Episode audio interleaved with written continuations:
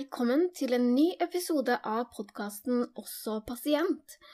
Podkasten hvor jeg, Kine Albrigtsen, snakker om hvordan det er å ha en usynlig sykdom. Sammen med folk, eller bare med meg. Men alltid med min faste maskot, Aki. Akkurat nå så er hun faktisk utestengt på balkongen. Hun ligger der og soler seg, og jeg måtte lukke døra fordi vi kan ikke ha mer støy enn nødvendig. Ukas tema er kronisk hodepine og kronisk migrene.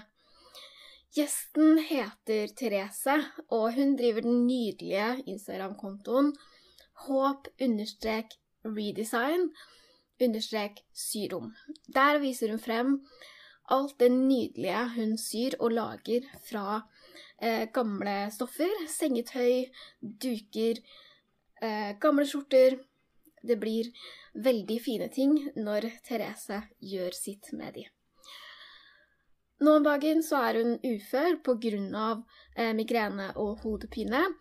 Og vi skal høre mer om hvorfor hun syr, og ja, hva er egentlig migrene? Eh, vi snakker også ganske mye om eh, det å være ufør og akseptere situasjonen sin, og hvordan det føles. Hvordan redefinerer man seg selv når man går ut av en jobb eller et yrkesliv og over til å være hjemme? Så her tror jeg det er noe for alle og enhver, enten du har eh, mer vondt i hodet enn vanlig eller ikke. Så jeg håper du koser deg med episoden. Da er vi klare for en ny episode av podkasten Også pasient. Og da er det bare å ønske velkommen til dagens gjest. Jo, takk. og temaet er um, kronisk migrene og kronisk hodepine. Men først har du lyst til å fortelle litt om deg selv? Ja, det kan jeg gjøre. Uh, ja, jeg heter jo Therese. Jeg er 39 år, eh, gift og har to barn. To døtre som er 12 og 16 år. Eh, jeg er utdanna barnevernspedagog og yrkesfagslærer i helse- og oppvekstfag, så jeg har jobbet i videregående skole. Men siden eh, oktober 2016 så har jeg da levd med kronisk hodepine og kronisk migrene. Eh, som gjorde at jeg da ble ufør da i februar nå 2020. Ja, så det er jo sånn kort oppsummering av meg. Det er fint. Da vi, da vi satt plassert deg litt, i hvert fall. Um, og uh, kronisk migrene, fikk du det uh, den gang da, for, for, de år siden, eller har du hatt det fra før av? Altså, jeg har hatt uh, migreneanfall, altså sånn veldig få anfall, egentlig, sånn siden jeg vi fikk første barnet, så det, hun er jo 16 år. Så jeg har vel hatt eh, migreneanfall et par ganger i, i året. Men det, det, er på en måte så lite at det, det preger ikke noe hverdagen min på den måten, annet enn at du fikk en dag, og så tok du medisin, og så gikk det vekk, og så gikk det veldig lang tid til neste gang. Så, eh, så jeg har jo hatt eh, kjent på det med migreneanfall før dette skjedde, da. Eh, men jeg våkna plutselig opp en dag i oktober med hodepine, og så har den på en måte ikke forsvunnet. Den har bare vært der siden. Mm. For hva, hva, skjedde da? Altså, jeg tenker at ofte så kan man jo eh, Man kan jo våkne opp med hodepine en dag og tenke at det var kjipt, så Men så må det jo ha vart en stund, da. Hva, hva skjedde da? Ja, det er jo Altså, jeg som sagt bare våkna opp med en hodepine. Eh, det var sånn mot slutten av oktober. Um, og så venta eh, Jeg venta jo at det skulle gå over. Tok Paracet og Ibux og sånn som du ofte gjør. Og så gikk det Ukene gikk. Um, og så oppsøkte jeg vel lege eh, ikke før i januar. Sånn at jeg gikk jo ganske lenge med det før jeg eh, gikk til fastlegen min, da. Eh, men det, den første tanken er jo at eh, dette her skal jo gå vekk. Det er jo ikke Altså, ja. Du tar de tablettene og du tenker dette skal gå sin gang. Eh, men så skjønte jeg jo etter hvert, da når det liksom begynte å nærme seg jul, og du skjønte at den er der ennå, og så ja, så var det jo å komme seg til fastlegen. Og da er jo det første fastlegen spør om, er jo OK, har det vært noe spesielt eh, som har skjedd de siste månedene? Er det Har du vært under mer stress, eller du, er det noen ting som har skjedd i livet ditt? Vi kunne jo liksom ikke finne noe grunn til det når vi begynte å lete i liksom hvordan mine dager hadde vært. Så, eh, så begynte jo, kan du si, den prosessen da med å på en måte først og fremst prøve å kartlegge sant, at det ikke at det ikke var noe oppi hjernen, en sånn type svulst eller andre ting som gjorde at hodepinen eh, plutselig oppsto, da. Så alle de tingene var liksom det første som måtte på en måte sjekkes ut, da. Mm. Ja, for det er jo sånn at en, en svulst kan jo, eh, kan jo vokse og da presse på et eller annet inni hjernen som, som gjør at man får smerter. Ja. Eh, det hørte jeg faktisk også om eh, nettopp i en episode av podkasten Åpen journal, hvor de snakker om akkurat det her, da, at det kan være en svulst, som også er en av de tinga som, som man jobber med å utelukke. da. Og så tenker jeg at når du sier de her store tinga i livet, så er det jo eh, Jeg kan jo tenke meg at det er sånn hvis det er skilsmisse eller mye stress på jobben, eller bytte av jobb, eller at familie- eller livssituasjonen da egentlig generelt endres i veldig stor grad. At det da selvfølgelig kan være en påkjenning som, som kan gi hodepine, på en måte. Men det var altså ikke noe av de tinga. Nei, det var det, og, og så kan du jo si òg, aldersgruppen jeg er i Altså, jeg jeg er jo 39 år, var i 30-årene, eh, jobbet 100% hadde to døtre som skulle følges opp, og du kan si sånn Men, men, men etter å ha gått i dybden på de tingene, så var det på en måte ikke at jeg levde under noe sånn stress eller, eller sånt, da. Men, eh, men jeg må liksom gå gjennom de tingene, og så måtte jeg gjennom MR og sånt, og skanne altså av hodet. Og, og så fikk en liksom lukt ut de på en måte si, farlige eh, tingene òg, sånn at det, det Men en ble jo ikke klokere etterpå heller, fordi jeg har jo egentlig aldri fått et svar på hvorfor det ble som det ble, da. Så Nei, for, nei, det var også noe jeg lurte på, fordi jeg tenkte sånn um, Jeg vet jo hva hodepine er på Eller jeg vet hvordan det kjennes ut, da. Eh, men jeg vet ikke, har du lært noe mer om sånn hva migrene egentlig er? Ja, altså, når jeg eh, har jo Siden da svarene ikke har kommet når jeg har på en måte vært hos leger og nevrologer og sånn, så har jeg jo på en måte måtte, Du blir jo litt sånn at du setter deg inn i ting sjøl, da. Um, så jeg har jo blitt klar over at eh, det med migrene, det at det er jo en nevrologisk sykdom. eh, som, eh, som jeg jo ikke på en måte var klar altså har ikke, Jeg har ikke tenkt over det før, verken med hodepine eller, eller med migrenen. Eh, og så har jeg jo òg fått eh, jeg, fikk, jeg har jo to hodepiner jeg, da. Jeg har jo den kroniske migrenen. Eh, og den defineres jo altså hvis du har eh, Hva er det eh, Er det åtte Nå er jeg litt usikker på det tallet, men om, de, om det er hvis du har åtte migrene- eh, eller hodepinedager i løpet av en måned, så, så eh, har du da kronisk migrene.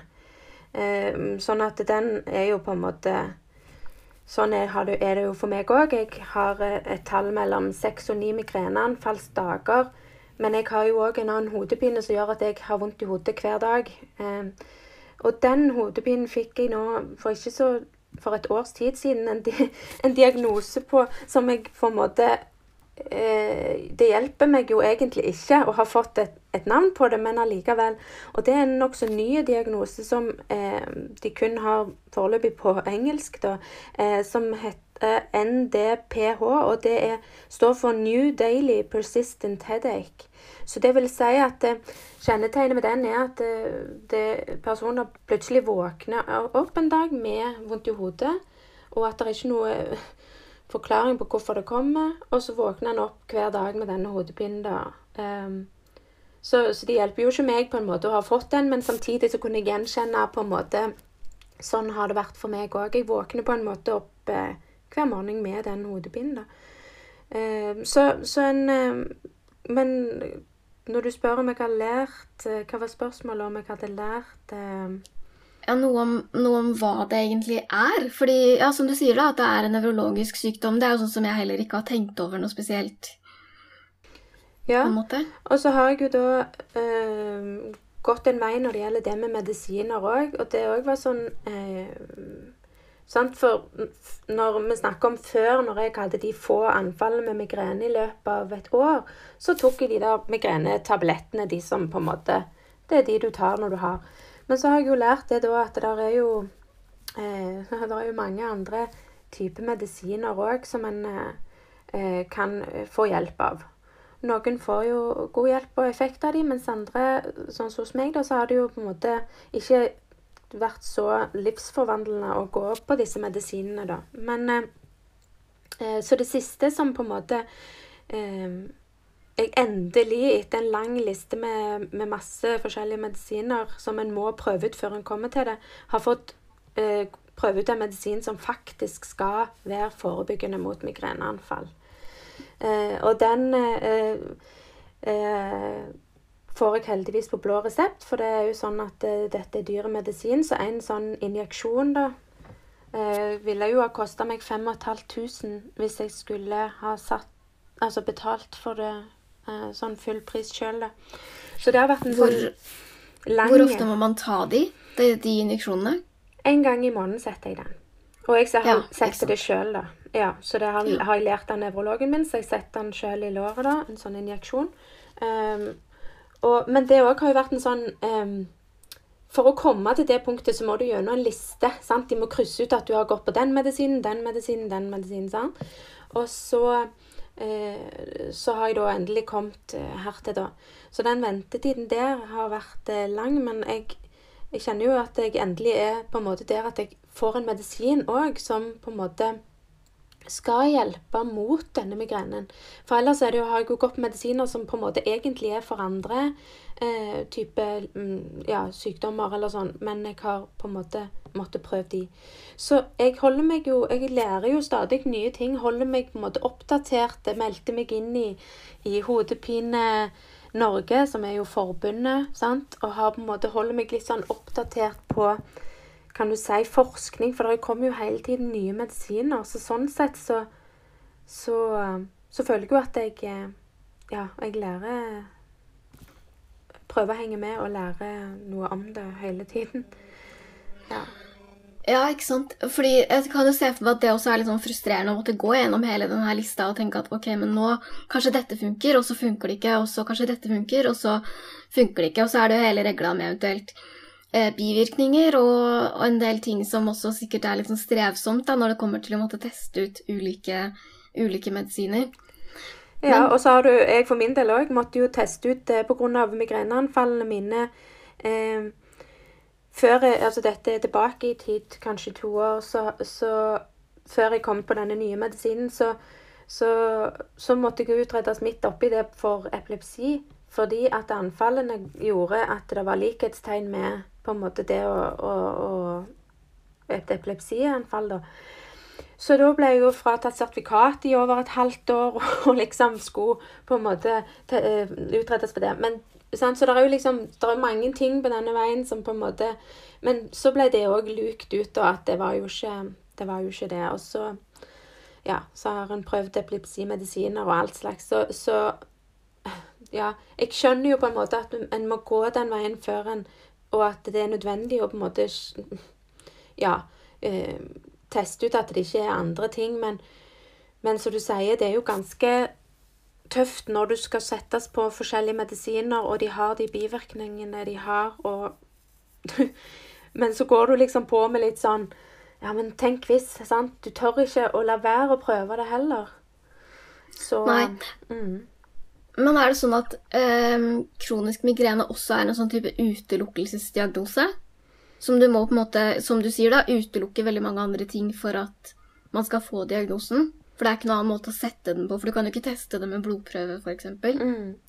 Jeg tror nok i hvert fall i oppstarten, sånn som jeg sa, at det blir litt å luke ut. sant? I hvert fall for min del, som det plutselig oppsto eh, eh, sånn at en er nødt for å luke ut de der eventuelle litt farligere tingene, da. sant? Men, eh, men så er det jo sant, det er jo òg En vet jo f.eks. at det er eh, kan være arvelig. sant? At hvis en har i, eh, historier i familien med, eller slekten, da som, eh, Men for min del så har ikke, har ikke den vært så tydelig at det ble på en måte en sånn at jeg skjønte med en gang at det var det det var, på en måte. Men, eh, men så er det jo det òg at en får jo når, når, først, når, jeg først gikk til legen etter, etter de månedene, de første månedene med hodepine, så, så får du jo beskjed om å fylle ut en sånn eh, eh hodepinedagbok, da.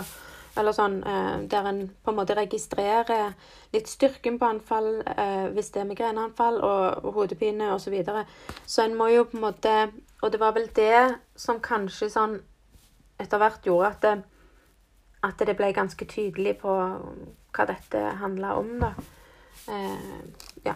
Så, så, det er jo sånn som jeg sier hvis, hvis, jeg møter noen som sier at de har begynt å ha vondt i hodet, og, og, og sånne ting, så tenker jeg bare begynn å, bare begynn å registrere det liksom sånn eh, kjappest mulig. For jeg, jeg, jeg, gjorde ikke det før jeg fikk beskjed av legen, og da, da vil de jo helst at du skal gå en stund for å liksom registrere dette, da. Ja. ja, det er jo liksom fordi at det er veldig lett å tenke sånn at jeg har vondt i hodet hver dag, og så mm. vet man jo kanskje, kanskje ikke er det hver dag, eller kanskje mm. er det oftere eller sjeldnere da enn man kanskje ser for seg. At det er liksom lettere hvis man har litt mer sånn noe konkret å gå ut fra. Mm. Mens jeg har jo sånn nå at jeg husker jo faktisk ikke hvordan det er å ikke ha vondt i hodet. Altså, jeg, jeg, jeg, jeg klarer ikke å huske hvordan det er å ikke ha det der eh, Altså, jeg sier litt sånn eh, Akkurat som jeg har et, eh, et belte rundt eh, hele hodet som på en måte tynger, eller litt sånn. Um, og det klarer ikke jeg å huske, sant? hvordan det var å ikke ha det. Så jeg kommer jo til å bli veldig overraska hvis det kommer en dag der du på en måte ikke har et eller annet, Når jeg ikke har vondt i hodet, da. Så jeg må jo håpe og tro at det kan skje en gang. Ja. Selvfølgelig. Men, mm. men uh, det var også en ting jeg lurte på, uh, fordi Først da vi snakka sammen, eh, så tenkte jeg sånn Ja, OK, eh, kronisk migrene og kronisk hodepine, hva er på en måte egentlig forskjellen? Bortsett fra at eh, migrene selvfølgelig eh, har de her migrenene anfallende. Mm. Eh, men, men, kjennes det forskjell ut? Altså, du sier jo at du ikke husker hvordan det er å ikke ha vondt i hodet, mm. men, men, er det noe forskjell på det, og er det forskjellig fra dag til dag? Altså, hvordan, mm. hvordan er de smertene for oss som vanligvis ikke har så mye vondt i hodet? Ja, altså for meg Det er jo litt sånn Vi må jo huske at det er jo veldig forskjellig, dette, selv om altså jeg, jeg, har det på denne måten, en annen kan ha det på en annen måte, men med kronisk migrene eller hodepine. Men eh, for meg så er det sånn eh, når jeg kjenner at nå går det over i et migreneanfall altså Siden jeg alltid har den der hod, altså jeg sier vanlig hodepine eh, For den, den kroniske hodepinen, den sitter på en måte litt eh, overalt i hodet, du, altså på begge sider. Eh, mens med en gang det går over til et eh, migreneanfall, så får jeg det på min eh, eh Hva blir det? Høyre side. Eh, og da, er det akkurat alt hodepinen bare for, forskyver seg over på den ene siden. Eh, og så får jeg veldig vondt bak f.eks. øyet her. jeg jeg blir kvalmen. Jeg, eh, sant? Syns du kan bli, Jeg kan få litt sånn synsting, eh, eh, forstørrelser. Eh, ja, så det er liksom Det er en veldig sånn tydelig når det beveger seg over på høyre side, som et mer sånn mer, Og, og eh, mer intenst i styrke. Da, da er varselet der for meg, da, at uh, Og så har du jo sånn etter hvert så har du jo oppdaget at det fins veldig mange andre sånn triggere. sant? Altså med trigger at det, det kan gjøre at jeg får et eh, migreneanfall. Som for meg er veldig sånn i forhold til noen lukter, lyd, eh, lyder og lys. Eh, så i perioder så bruker jeg jo òg filterbriller. Og vi sitter sånn så eh, på et ganske sånn eh, mørkt rom, eller i hvert fall lite belysning. Så det er liksom ting som på en måte kan trigge fram et migreneanfall òg. Mm. Er det f.eks. en sterk lukt eller en spesiell lukt? Mm. Hvis du skjønner forskjellen? Ja. For meg så er det sånn at jeg kan reagere på visse typer parfymer. um, uh, og det er sånn spesielt Eller sånn uh, type uh, luktelys. Da har jeg funnet ut ett luktelys som jeg på en måte tåler. som jeg kan faktisk ha på uten at det Ellers er det stort sett altså, å gå Du vet når du går Ikea kan jo alle få migreneanfall på. Men for meg å gå på Ikea og gå, komme gjennom der du ender opp med de luktelysene Det har jo skjedd at jeg har kommet hjem, så har jeg da fått migreneanfall. Eh, det er bare Ja, det er ikke så trykke på en knapp, altså. Det er, så, det, så det er noen sånne ting for meg, eh, ja. og så noen lyder òg. Eh, og det er jo synd, for det er sant Jeg liker jo egentlig sant, å sant, Hører på musikk, og det er liksom eh, Og så har en jo tross alt eh, familie med unger i huset og sånn, sånn, så det er jo litt lyder og sånn, så så det liksom, syns jeg er det liksom, dummeste med, det, med at lyd er sånn, fordi eh, det er jo egentlig en fin ting at det er lyd rundt meg. Så jeg pleier jo ofte å bruke det der eh, Mange dager så må jeg bare gå med headsettet på uten, uten at jeg hører på noe, men bare for å ha den stillheten, da. Um, så Ja, så det Det er jo hemmende på en måte òg, disse tingene, sant? fordi en vet godt hva som er, egentlig gjør bra for meg, og som kan hindre et migreneanfall, men som Ja, så er det jo noe som er litt trist og litt dumt med det òg, At du vet at du ikke tåler like mye lyd som før, eller, eller lys. Sånn som i dag, så er solen skinner ute. Uh, og jeg har hatt dager med migreneanfall nå, så jeg har ikke vært ute på en uke. Og så eh, komme ut i solen, så har jeg jo selvfølgelig solbriller, men det er akkurat så det er ikke nok heller. Men det, da må jeg jo på en måte veie OK, det gjør meg godt å sitte ute en halvtime i den solen for mange andre årsaker, liksom sånn. Eh, men, men jeg, altså, hadde jeg ikke hatt migrene, så kunne jeg jo ha sittet altså, ute i den solen og ikke tenkt på at det, det lyset gjorde noe med meg, da. Så ja. Det er jo helt klart ting som, som man må veie for og imot, og som, som påvirker mm. uh, livet helt sånn konkret. Fordi jeg tenker sånn Jeg trenger jo ikke tenke over det når jeg går på Ikea. Uh, jeg med mine ting må kanskje tenke over at jeg blir veldig sliten. da, At jeg ikke kan ja. gjøre så mye annet den dagen, kanskje, som jeg skal på Ikea. Men, uh, men det er jo liksom andre ting å ta hensyn til, da, som, mm. som jeg ikke tenker over av den grunnen, i hvert fall. Ja. Men synes, hvordan syns du det har vært å på en måte måtte tilpasse hverdagen din. For det har vært da en veldig stor endring for deg siden du var i full jobb og mm. til nå, når du sier da, sånn jeg har ikke vært ute på en uke fordi sola er for mye, på en måte. Mm. Hva, hvordan har det, det vært å leve med, da? For det kom jo, som du sier, ut av det blå liksom plutselig. Mm. Ja, altså Det er jo sånn eh, at jeg, jeg lever jo på en måte med en sorg, da. Sant? Eh, og jeg jeg var så glad når jeg oppdaget begrepet livssorg, som eh, jeg har snakket eh, om før. Når jeg, og deg har snakket med psykologen Janette Røseth, som har på en måte kommet med det begrepet. For jeg kjenner meg veldig igjen i det. Eh, for jeg lever jo på en måte med en sorg over det som jeg har mista, og det kommer jeg ikke vekk ifra. Uansett hvor mye eh, jeg prøver å tenke positivt, kanskje, og motivere meg, prøve å motivere meg sjøl. Og, og snakke fint til meg sjøl, og, og liksom, så, så kommer jeg jo ikke vekk ifra at det der er noe i livet mitt som ble annerledes enn det jeg hadde tenkt. Og, og, skal en være helt ærlig, så, så den sorgen, den, den kommer jo og går. Og nå når jeg har hatt en uke nå der jeg har ligget med mange migreneanfallsdager på rad, så, så klarer jo ikke jeg å være veldig, veldig positiv der og da. Det må jeg jo si.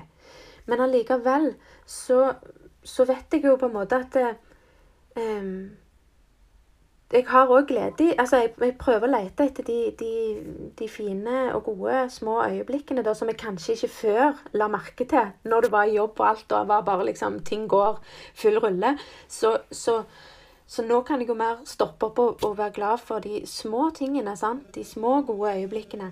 Men du kommer ikke vekk ifra at det er en sorg der, og spesielt i forhold til jobben. fordi jeg tror jeg kan si Mange sier ja, jeg har en fin jobb, jeg liker jobben min. Men jeg faktisk Jeg, jeg elsket jobben min. Altså, det var sånn Jeg kjente at jeg var kommet der jeg, der jeg ville være.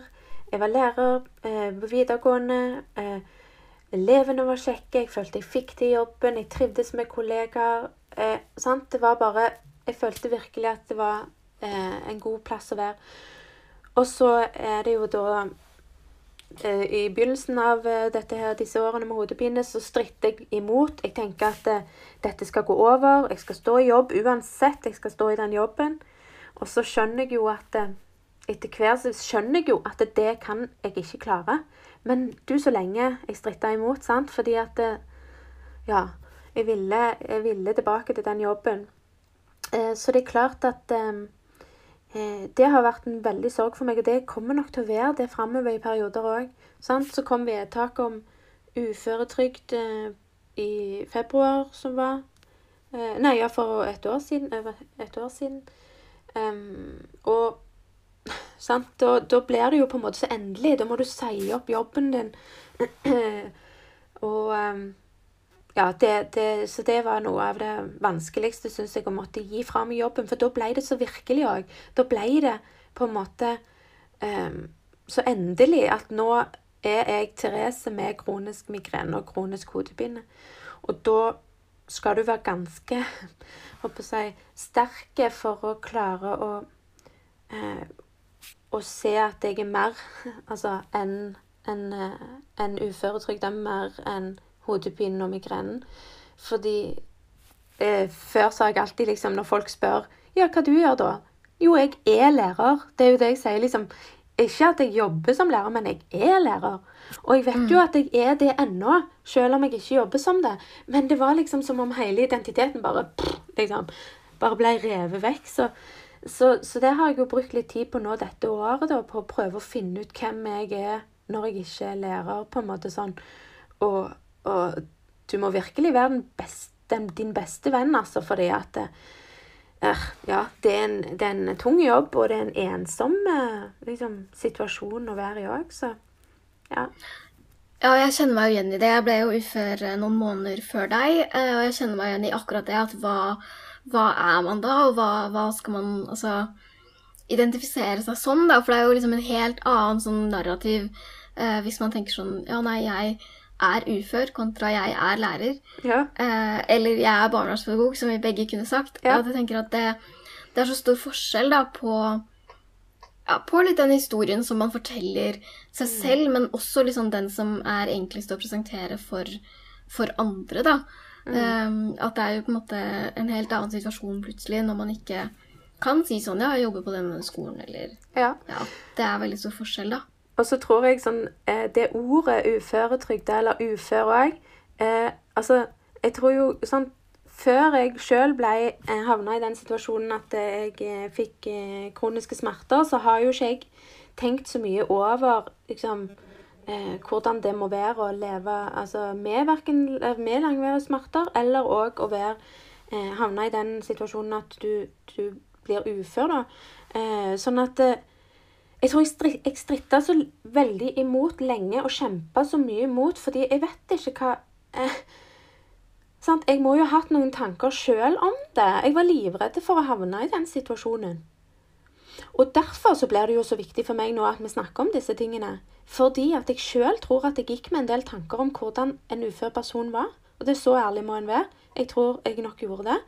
Eh, sånn at jeg eh, Derfor så blir det jo så viktig på en måte å vise at vi er mange forskjellige ansikter til på en måte det å være ufør eller leve med usynlige eller langvarige og kroniske smerter. Eller hva det nå skulle være. Eh, fordi Ja.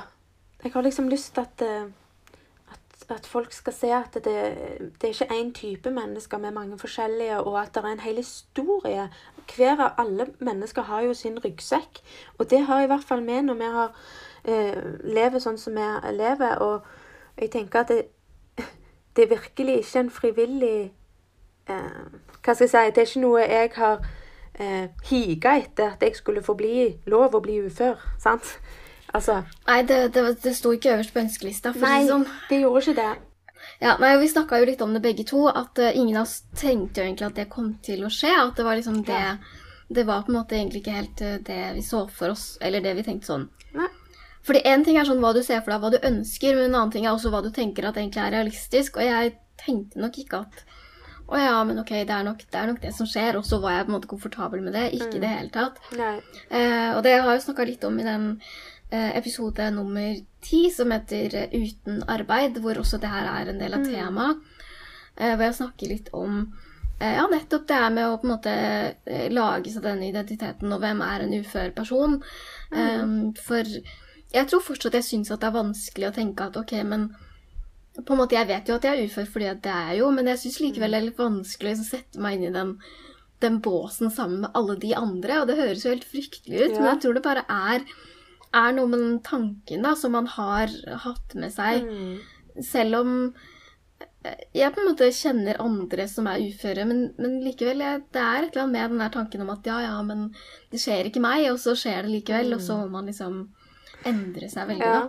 Og så er det jo noe med at det er veldig kanskje greit å være sånn forståelsesfull på andre sine vegne. Sånn, ja, men jeg forstår at du havna i den situasjonen, men når du sjøl da står der, så, må, så møter du liksom deg sjøl litt sånn Oi, eh, nå gjelder dette faktisk meg.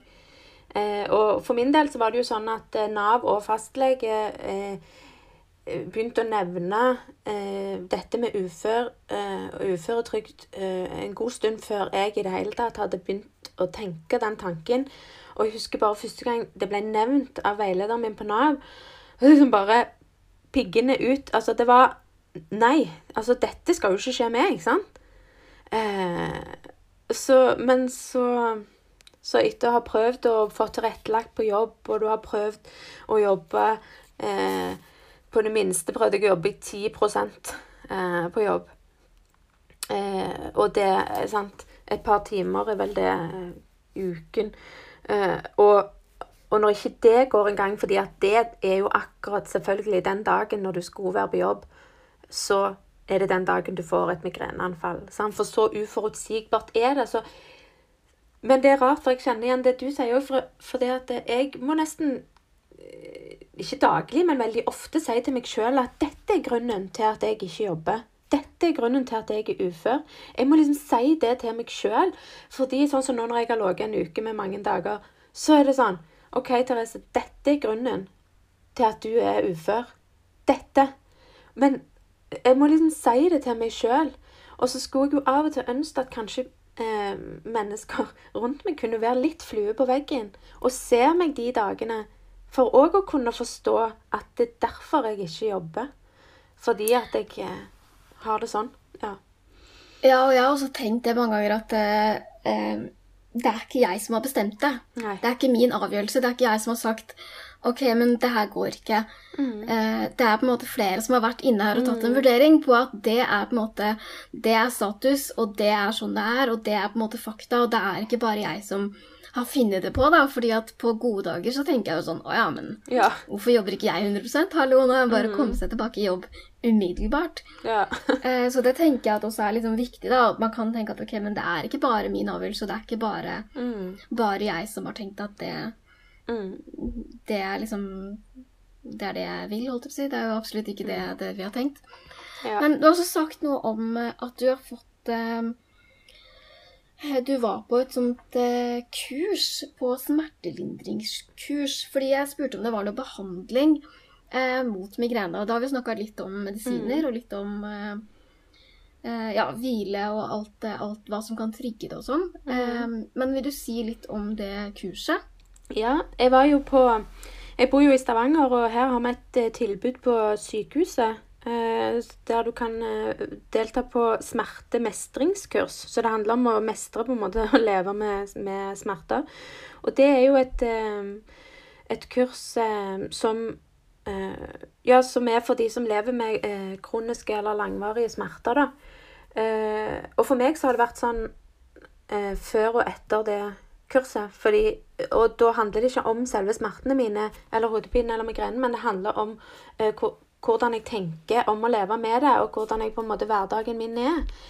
For det er sånn, de årene før, sånn at du kjemper, du kjemper alene. Du er, eh, jeg isolerte meg, jeg var ensom selv om jeg hadde folk rundt meg. Jeg eh, ja, var trist, og jeg var lei, og jeg var, altså, det var bare sånn, jeg følte meg utenfor. Eh, og så kom jeg på dette her kurset som eh, du må bli henvist av, av, din, av fastlegen din da, for å få plass på det. Eh, og så kom jeg der, og så tenk, tanken min sånn OK, nå er jeg her. Nå er det det siste på en måte de har å tilby meg. Det er liksom et smertemestringskurs. Og jeg tenkte jeg var ikke veldig positiv på forhånd. Eh, Men så kom jeg der, og så blir du møtt av et fantastisk eh, personale som ser deg. Eh, Du får sitte sammen, dette var jo før koronaen, da. Sitte i samme rom som eh, flere andre personer som ikke har bare samme diagnose som meg, men som har på en måte andre smerter, da. Eh, og så bare få sitte sammen eh, og, og, og, og, ja, og lytte til hverandre. Og så få med seg noen verktøy på hvordan du kan eh, ja, gjerne få en bedre hverdag. Da. For det handler jo om å finne en måte å leve til tross for at du har vondt hver dag. da. Eh, så for meg så har det vært helt fantastisk. Og nå har jeg jo òg fått blitt med som erfaren bruker der. Sånn at jeg får fortsette å få med meg sånn eh, en gang i året. Da får, får jeg eh, være med på et kurs der jeg får dele mine erfaringer. Samtidig så får jeg holde oppe denne her ja, kunnskapen eller disse verktøyene da, som gjør at jeg, jeg har fått en mye, mye, mye bedre hverdag.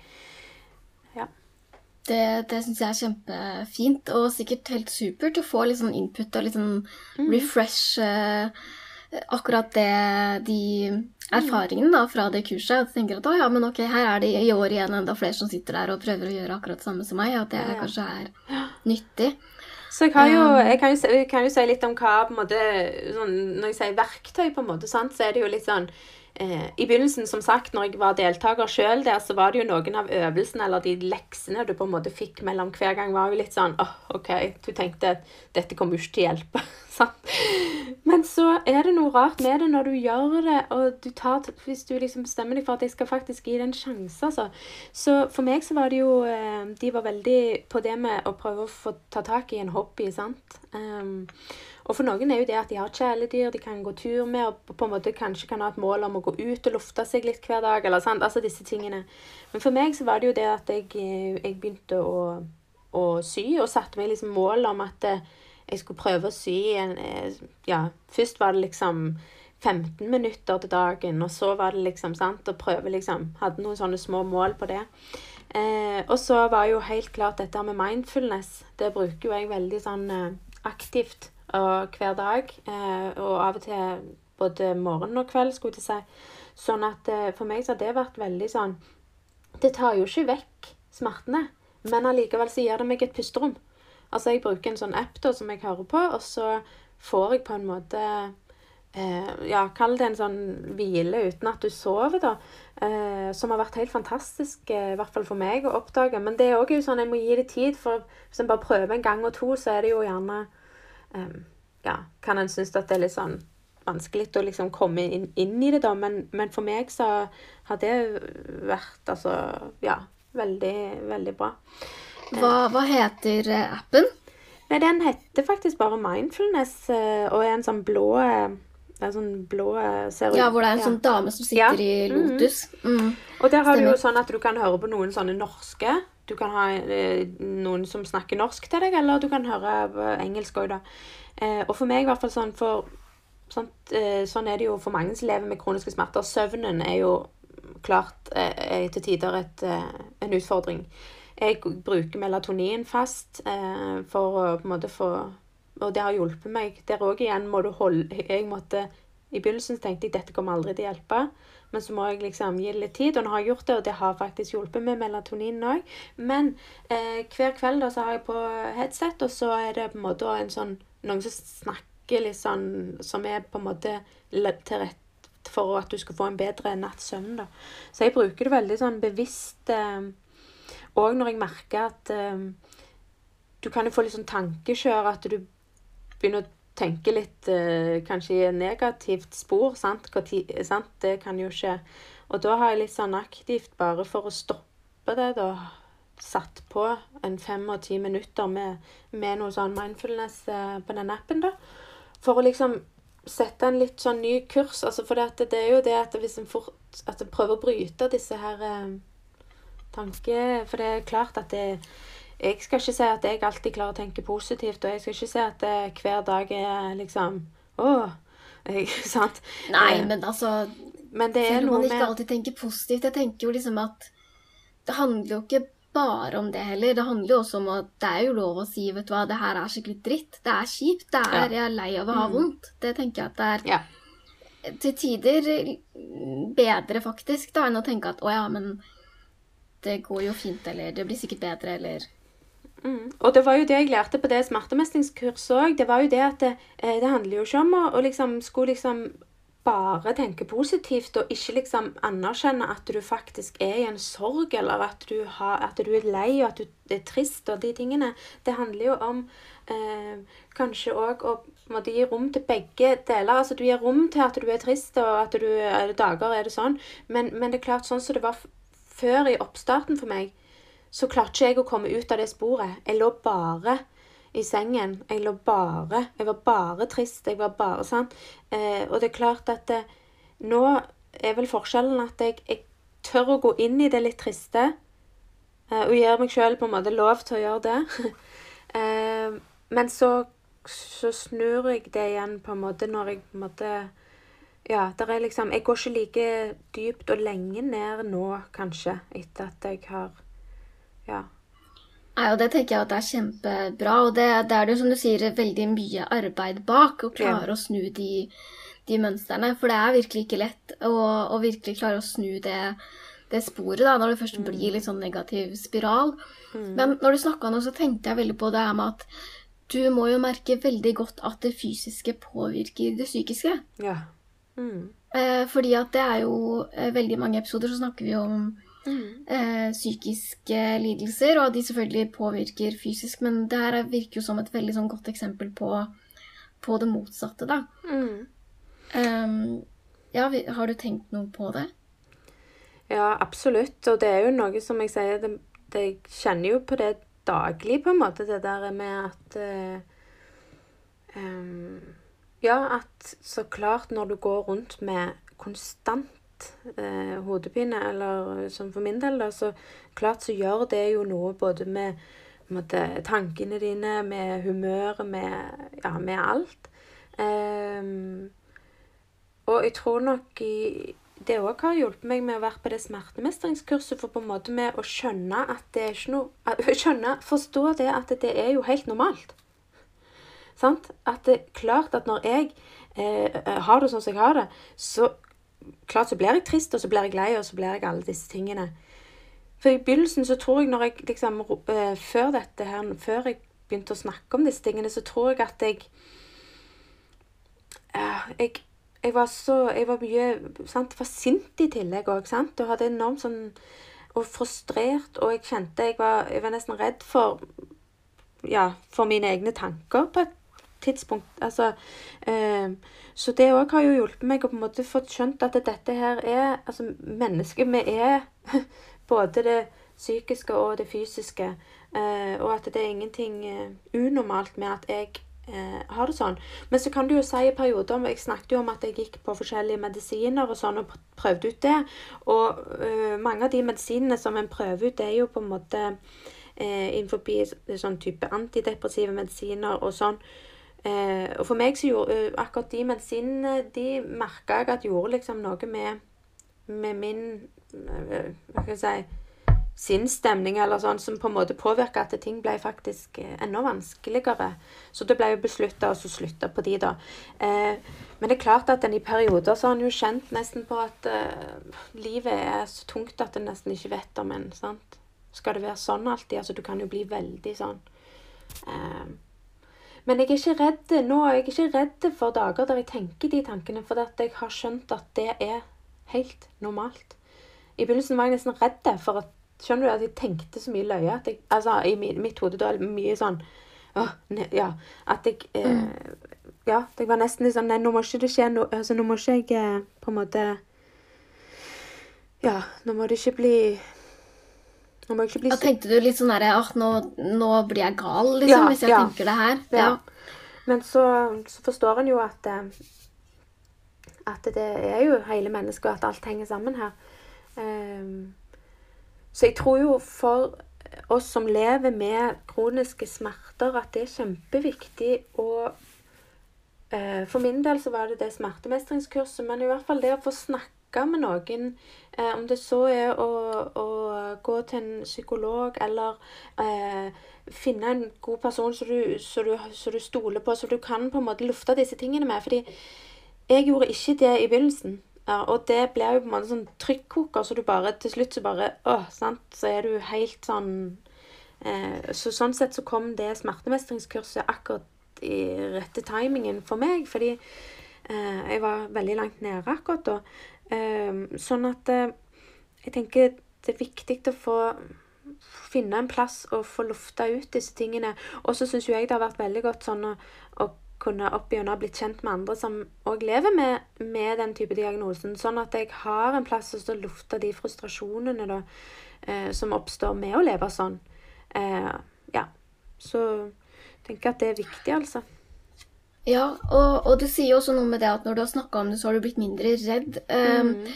Og det har jeg lurt litt på fordi at um, Har du vært redd for det, altså for hodepinen da, eh, og migreneanfall, nå når du vet at det ikke er uh, noe farlig? Eller ha, altså Hvordan er det kontra uh, hvis Altså Um, hvordan skal jeg formulere det? Er du redd for å bli syk på andre måter? Eller altså, tenker du sånn åh oh, nei, nå er det noe gærent? Eller hva, hvordan foregår det når du har levd med det så lenge, da? Ja, du blir jo dessverre på en eller annen måte sånn vant til å ha vondt i hodet, da. Eh, og spesielt den, den, daglige hodepinen min, den, den, blir jeg jo på en eller annen måte vant til. Men migreneanfallene, de, de, de blir jeg liksom aldri helt vant til. Eh, denne uken har jeg jo hatt noen dager med migreneanfall, og det ene dagen så Altså, da, da er det på en måte så gale at du tenker åh, altså er det noe, altså Av og til kan jeg få en sånn panikk for sånn Tenk hvis det er noe annet enn en migrenen. fordi at av og til så er det så intenst at du tenker det kan jo være Tenk hvis jeg dør nå, og så tror jeg det er kronisk migrene, og så er det egentlig ah, noe annet. sant?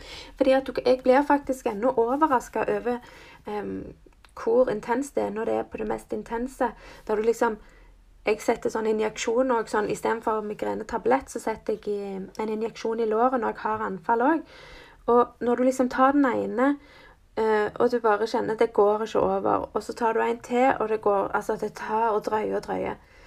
Mm, så jeg, jeg blir faktisk overraska noen ganger over hvor vondt det kan være. Og så har jeg jo sagt noen ganger sånn til mannen min Ja, ja. Eh, uff.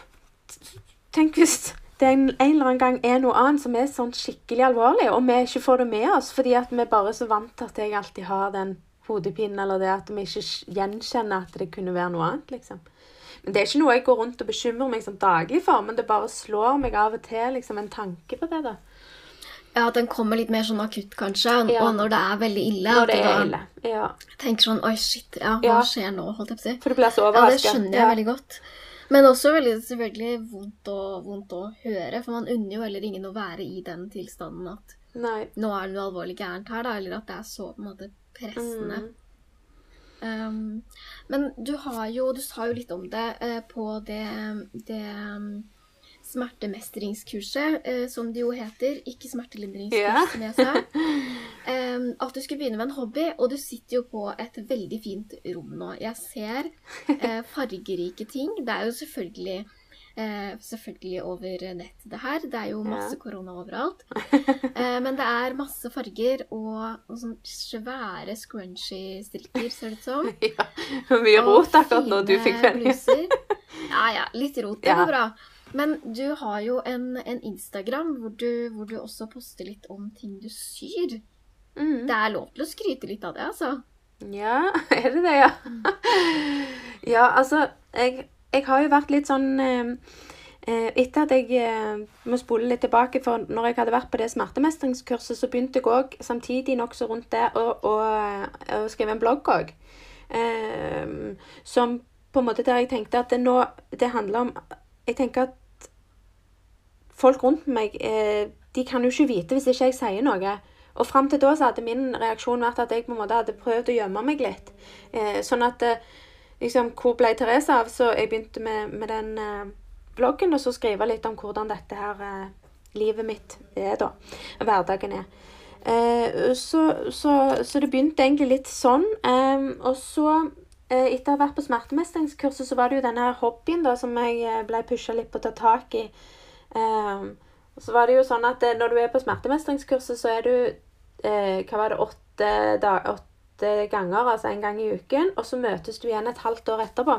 Og da var min lekse til det, etter det halvåret, da når vi skulle møtes igjen, at jeg skulle ha sydd en, en kjole så jeg skulle eh, liksom vise fram, da. Og det var å møte da etter et halvt år Hadde på meg den kjolen som jeg på en måte hadde sydd. Eh, da snakker vi liksom skikkelig sånn mestringsfølelse, altså. Fordi at da var det liksom eh, Jeg hadde klart det. Altså, og det var det lille pushet jeg trengte til å på en måte finne noe som gir meg glede i hverdagen. da. Eh, og for meg har jo òg sånn å omgi meg med farger eh, og, og sy fargerike klær og kle meg i fargerike klær og liksom Det har liksom vært eh, på en måte en sånn slags terapi for meg, rett og slett. Så, så da begynte jeg rett og slett å, å, å, ville lage meg en slags eh, dagbok på Instagram for å på en måte kunne kjenne på disse tingene som jeg faktisk får til, til tross for smertene, da. Eh, så for meg har det vært eh, veldig kjekt det å møte andre som er opptatt av de samme tingene som meg, med farger og sy og gjenbruk og alle de tingene. Eh, for jeg syr jo av gamle sengetøy og sånne ting. Eh, og så på en måte òg møtt noen mennesker som på en måte lever litt sånn, sånt liv som meg, med en eller annen form for smerte, men har funnet en glede i det med, med å sy, da. Så sånn sett så har det vært helt eh, fantastisk, egentlig, å få eh, Så jeg er jo på en måte Så, så føler jo at jeg får vist litt eh, med den sy-instagrammen, da i hvert fall eh, vist litt eh, kanskje sånn, Vi snakket jo om det med identitet og sånne ting i forhold til at det var veldig knytta opp mot det å være lærer. Så jeg vel på en måte kanskje i ferd med å finne ut en ny måte å kunne eh, liksom eh, ja, finne meg sjøl litt, da, sånn i forhold til disse tingene. Så nå har jeg jo sånn kjempemange sånn tanker og drømmer om hva på en måte dette her kan bli til. Og det er jo godt å kjenne at det går an å liksom drømme nye drømmer, sjøl om en har, egentlig har det sånn som en har det, da. Så Absolutt. Og, og, et annet fokus, som du sier, at du er jo så mye mer enn mm. En, uh, ufør og noen som, som, har kronisk migrene og kronisk uh, hodepine. Så det syns jeg er uh, veldig kult, veldig inspirerende å, å se. Um, og også bare den utviklinga, da. Fordi shit, det, det, har jo virkelig skjedd mye på, på syfronten. Og du har jo blitt eh, skikkelig flink, så det syns jeg er megaspennende. Takk. Og også at det er muligheter for å ta det i ditt tempo. Da. Jeg tenker at Det også er jo en del av det, at du kan, kan ha drømmer, men også, også innafor mm. liksom, de rammene du har å leve etter. da. Ja, og det er jo men, det når en skal begynne å tenke liksom sånn framover, hvis dette kanskje kan bli noe som jeg kan jeg gjøre noe mer ut av, da, så, så er det jo litt sånn Jeg litt, har liksom det spørsmålet i bakhodet liksom i forhold til sånn Ja, men hvis du klarer det, Eh, så klarer du vel å jobbe. Altså Det er jo snakk om disse mytene som du gjerne har tatt opp i de andre episodene, da. Sant? For altså Og det er da jeg gjerne skulle ønske av og til at folk kunne vært flue på veggen sånn og sett meg sånn. For det er klart at det, på Instagram så ser du meg i et kort øyeblikk i løpet av en dag. Um, og så kan du si jeg velger jo sjøl å, å, å liksom uh, legge ut disse tingene, men, men, men, uh, men det er liksom uh, litt sånn òg En liten tanke om liksom Ja, men hvis du klarer det, så kunne du vel egentlig, egentlig ha vært i jobb òg, sant? vanlig jobb. Men det er jo det som du sier, da. Det er jo tilbake til det at det her kan ting gjøres i mitt tempo. og at migrene og hodepine er jo så uforutsigbart òg at det går ikke an å planlegge noe oppi i, altså, i den hverdagen min sånn sett. Eh, så, så, det er jo det jeg må på en måte Men av og til må jeg liksom si de tingene til meg sjøl. Liksom, ja, minne meg sjøl på at dette er Det er en grunn for at det er sånn. Ja. Ja, det syns jeg er en veldig, veldig bra myte å avlive litt mot uh, slutten. At uh, mm. det er jo ikke sånn at fordi at uh, du klarer å sy noe, eller fordi at Eh, for så vidt jeg klarer å lage podkast, så er det jo ikke sånn at da, da er vi ikke syke, eller da er det ikke noe problem. Så hvorfor ikke bare kunne vi jobba 100 Jeg mener, hadde vi kunnet det, så hadde vi nok gjort det begge to før, eh, ja. før vi kunne fått liksom, spilt inn denne episoden ferdig, så hadde vi bare løpt tilbake på jobb. da hadde jo ikke jeg holdt på med syingen sånn som jeg holdt på heller. Ikke sant. sånn. Det er nettopp det. Altså, og jeg hadde nok ikke hatt podkast heller. Nei, og så er det jo det med, med liksom også, den henger jo litt sammen med den der Men hvis du klarer det, så hvorfor er du på en måte ikke i jobb? Er jo òg Som jeg får høre, som jo egentlig er en positiv og kjekk ting, det er jo at du ser jo så fin ut. Eh, fordi at eh, jeg liker å kle meg i fargerike klær og liksom disse tingene her.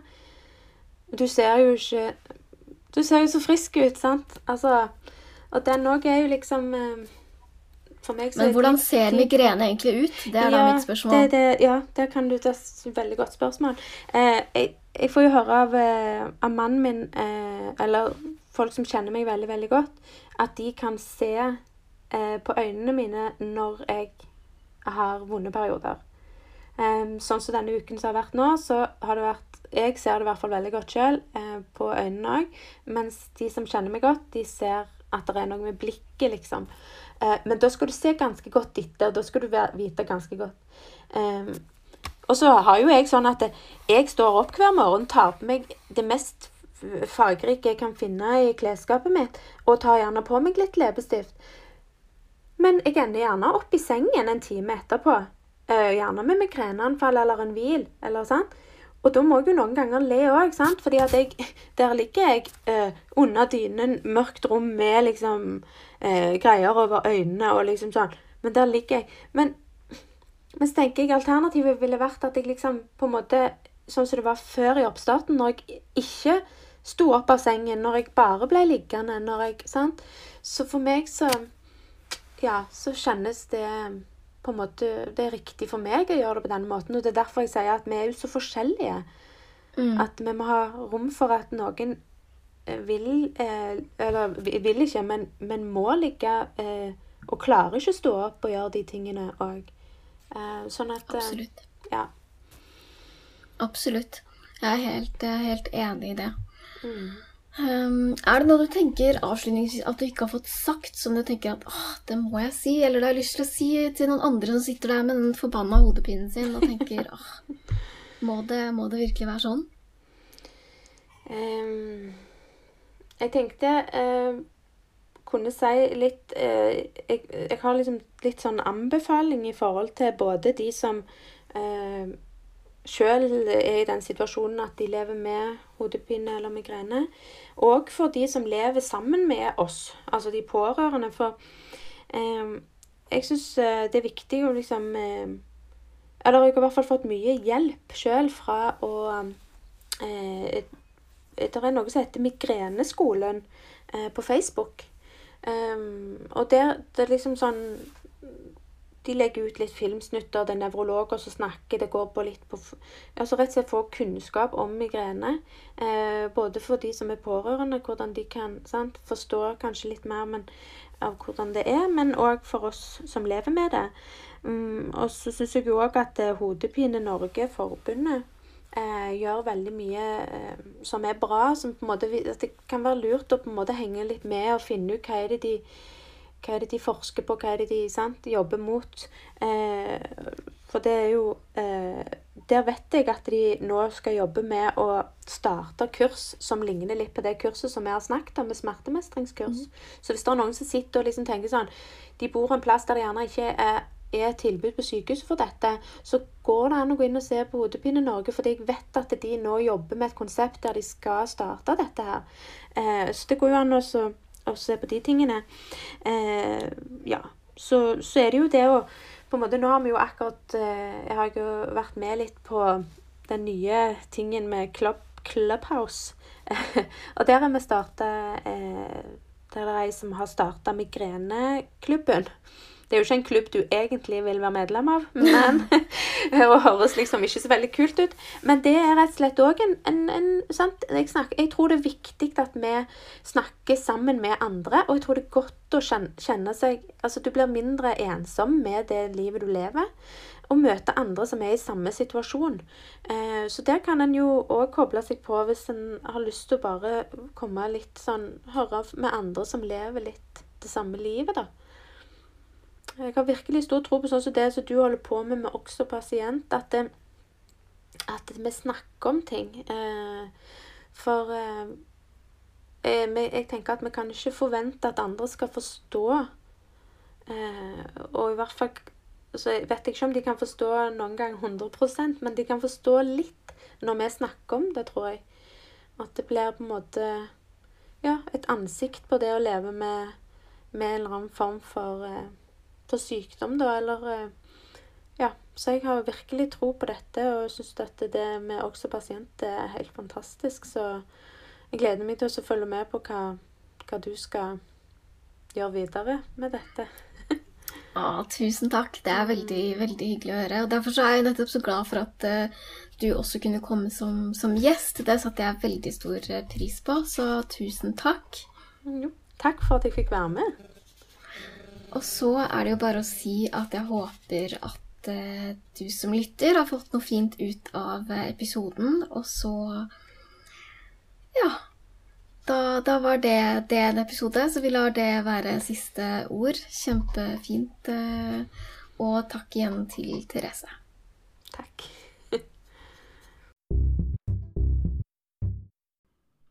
Helt på tampen, kjøp meg en kaffe hvis du har lyst. Du finner en link nede i show notes. Det betyr at du støtter jobben jeg gjør. Gi meg et lite hint om at du liker podkasten, enten ved en kaffe, fem stjerner, kommenter, følg meg på Instagram. Gjør alle de her tinga. Det viser engasjement, og det motiverer meg til å lage mer podkast. Så without further ado Vi snakkes om en uke.